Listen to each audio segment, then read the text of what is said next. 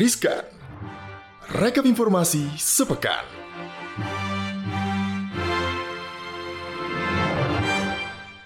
Halo. Hai hai Sobat hai. Cuan. Apa kabar? Baik dong. Kamu apa kabar? Baik dong pastinya. Hey, Sobat Cuan ketemu lagi dalam Riskan. Rekap informasi sepekan. Bareng Maria dan juga Angel Valentina di sini. Oke. Ih, minggu depan libur panjang ya. Aduh. Siap-siap ya. Udah libur panjang. Ih. Udah libur panjang, Pak Jokowi juga ngumumin pandemi Covid-19-nya berakhir. Yeay. Kenapa tuh? Iya, karena gini nih, sahabat cuan Presiden Joko Widodo akhirnya mengumumkan akhir dari status pandemi COVID-19. Jokowi menyatakan keputusan ini mempertimbangkan banyak aspek, terutama adalah kondisi perkembangan kasus yang semakin mendekati nihil per hari. Hal ini diungkapkan melalui tayangan YouTube Sekretariat Presiden di Rabu kemarin, tanggal 21 Juni. Tapi ya kalau kita lihat di sisi lain, hampir Mm-mm. seluruh masyarakat di Indonesia ini ya juga sudah memiliki imunitas yang kuat. Ya, sekarang udah disuntik-suntik-suntik ya. Betul, baik dikarenakan sebelumnya udah terinfeksi maupun dikarenakan vaksinasi tadi ya. Mm-mm. Pak Jokowi juga mengatakan bahwa 99% masyarakat Indonesia sudah memiliki antibodi COVID. Keren. Jokowi juga menyampaikan Organisasi Kesehatan Dunia atau WHO sebelumnya juga telah mencabut status Public Health Emergency of International Concern. Meski begitu, Jokowi juga meminta kepada masyarakat supaya tetap berhati-hati serta terus Mhm. menjalankan perilaku hidup sehat dan bersih. Bener, gue sih masih pakai masker sih sekarang Saya ke mana-mana. Kalau ke public area, kalau ke tempat-tempat yang orangnya kita nggak kenal, Mm-mm. masih pakai masker, betul. masih pakai masih bawa hand sanitizer ke mana-mana. Betul. Jadi sebenarnya COVID kemarin mengajarkan kita lebih prepare ya, Aware. lebih aware juga ya kan sama kesehatan dan juga kebersihan. Makanya supaya nggak keulang lagi, sobat cuan harus tetap em, apa ya, menjalankan kebiasaan bagus ya kemarin kebiasaan udah. baik yang sudah diterapkan, beberapa Diterapkan. tahun terakhir kemarin ya. Benar, jangan mentang-mentang nggak perlu masker, ya udah nggak beli-beli masker lagi gitu kan masker kain bisa dipakai. Betul. Nggak beli masker yang medis, Mhm. masker kain aja. Yang penting tetap terproteksi. Gitu, ya kan? Semoga Next. sudah benar-benar pulih ya. Amin. Indonesia ya. Harapannya sih Karena gitu ya. Apa Nextnya tuh? nih, Indonesia bakal punya pabrik tembaga terbesar di dunia. Waduh, duh, duh, duh, duh. Kayak gimana tuh, Angel? Jadi Indonesia sebentar lagi bakal punya fasilitas pengolahan dan pemurnian atau smelter. Pabrik Mhm. tersebut milik PT Freeport Indonesia yang berlokasi di Gresik, Jawa Timur. Dalam kunjungannya ke proyek tersebut di hari Selasa kemarin ya 20 Juni lalu ini, Pak Presiden Joko Widodo berharap produksi katoda tembaga yang dihasilkan proyek smelter ini dapat diserap oleh pabrik Copper Foil. Wow, smelter yang digadang-gadang ini sebagai smelter single line atau satu jalur terbesar di dunia diklaim mampu menyerap konsentrat tembaga sebanyak 1,7 juta ton per tahun. Uhuh. Adapun nih ya, konsentrat tembaga tersebut akan menghasilkan produk nih ya berupa katoda tembaga sebesar 600 ribu ton per tahunnya. Selain menghasilkan produk katoda tembaga, smelter ini nantinya akan menghasilkan produk sampingan. Nah, di antaranya ini terkandung dalam lumpur anoda, yakni ada emas dan juga perak murni sebanyak 6.000 ton per tahun. Kece banget ya Kece. sih. Dan berdasarkan ya bahan paparan dari PT Freeport Indonesia, proyek smelter tembaga ini terus mengalami kemajuan yang sangat signifikan. Mhm. Kalau kita lihat sampai akhir Mei 2023 kemarin bahkan ya progres pembangunannya ini sudah mencapai 70,6 persen. wow. Dan dengan pelaksanaan proyek yang telah mencapai 70,6 persen ini, biaya yang sudah dikeluarkan perusahaan ini mencapai 2,2 miliar US dollar atau Yes. sekitar 33 triliun rupiah.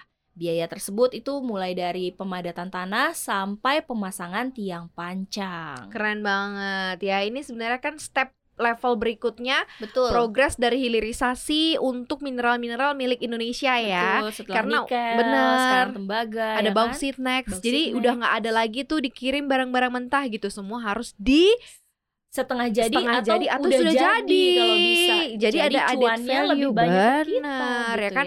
Kalau bisa hasil jadinya mah lebih keren banget. Makanya smelter-smelter ini langsung di uh, genjot nih pembangunannya Betul. ya.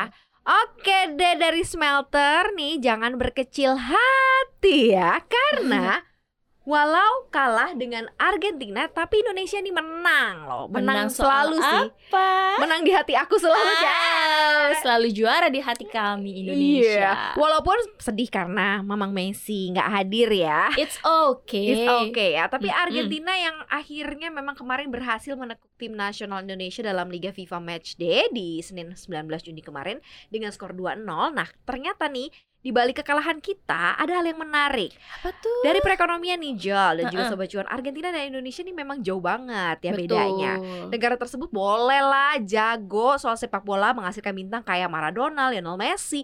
Namun dari sisi pertumbuhan ekonomi Indonesia ternyata jauh berada di atas Argentina ya. Masa sih? Iyalah, coba di mana Indonesia mencatatkan pertumbuhan ekonomi 5,03 persen di kuartal 1 2023. Argentina masih 1,9 persen di kuartal 4 2022. Jauh guys, tepuk tangan buat Uh, Indonesia. I love you Indonesia. Keren kan ya? Bahkan ekonomi Argentina ini katanya sudah tertekan sejak pandemi COVID-19. Yes. Ekonomi Argentina ini ekonomi Argentina ini menyusut dan sempat mencatatkan penurunan ekonomi terburuk dalam hampir 20 tahun terakhir. Mhm. Di tengah gejolak ekonomi global pasca invasi Rusia ke Ukraina, Aha. Argentina juga semakin tertekan gitu ya. Inflasi negara tim Tango ini masih meninggi hingga saat ini. Inflasi Argentina tembus 109% di periode April 2023. Ini Mhm. sangat jauh sekali dibandingkan dengan Indonesia yang berada di 4,33% untuk periode yang sama. Gak cuman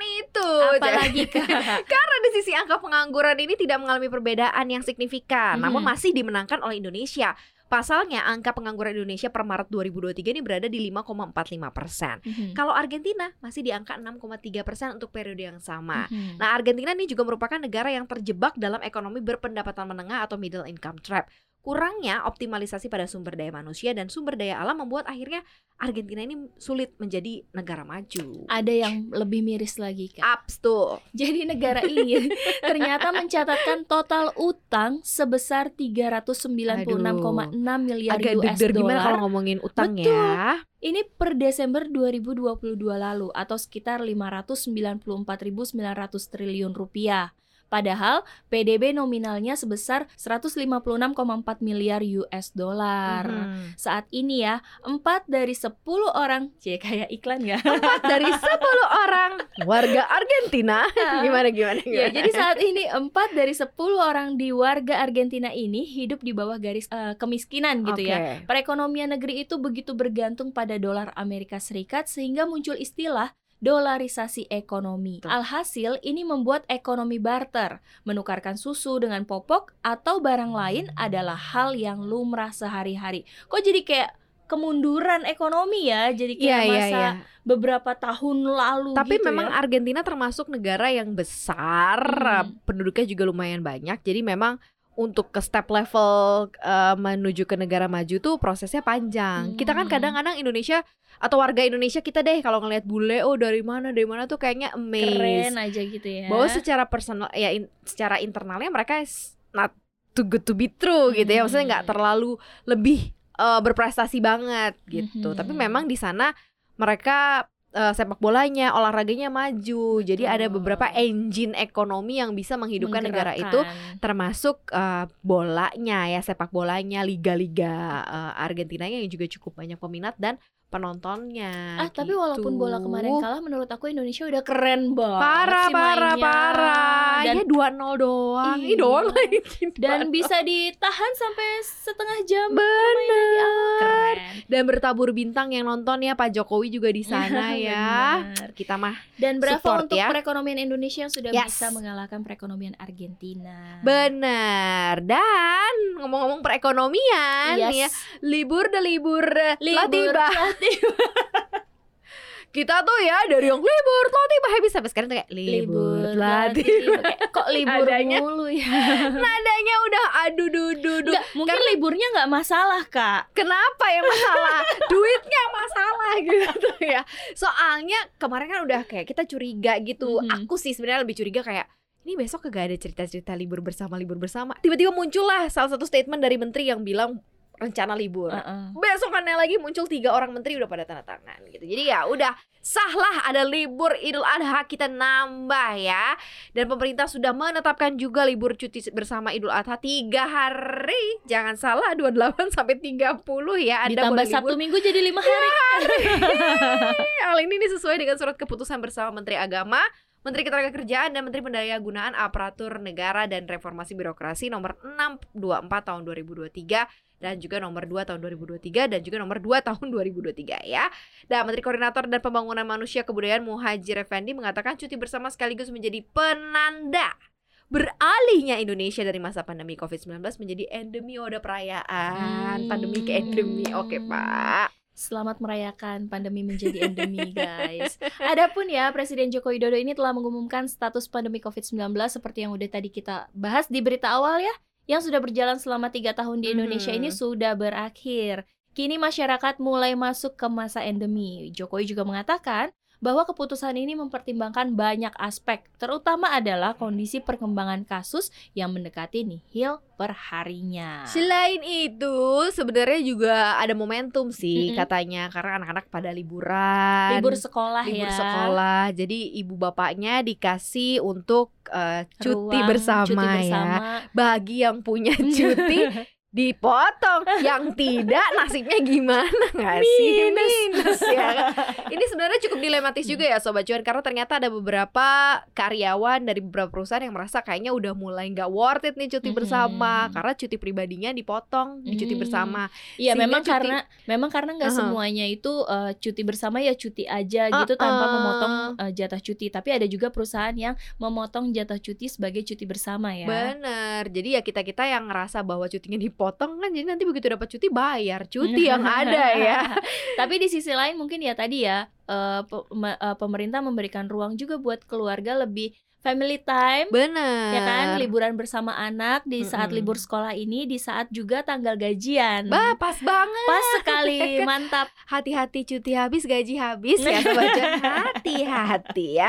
Pokoknya semangat ya karena ini udah weekend, Betul. Sabtu Minggu, Senin Selasa masuk, Rabu Kamis Jumat Sabtu Minggu libur. libur. Seninnya jangan malas ke kantor, Iya harus semangat. Justru dua hari itu semangat ya Betul. kan Untuk membayar libur yang panjang Oke Sobat Cuan ini Rizkan hari ini Jangan lupa untuk dengerin konten podcast kita lainnya di mana aja Ada di Spotify, Apple Podcast, Google Podcast, dan juga Anchor. Dan jangan lupa untuk follow Instagram Cuap Cuan di @cuap underscore cuan dan juga subscribe YouTube channel Cuap Cuap Cuan di Cuap Cuap Cuan. Oke, jelas Sobat Cuan terus happy-happy ya Instagram jangan lupa ya follow juga ya Ya. At cuap underscore cuan ya Thank you banget Sobat Cuan udah dengerin kita hari ini Maria dan juga Angel. Pamit. Bye, Happy happy weekend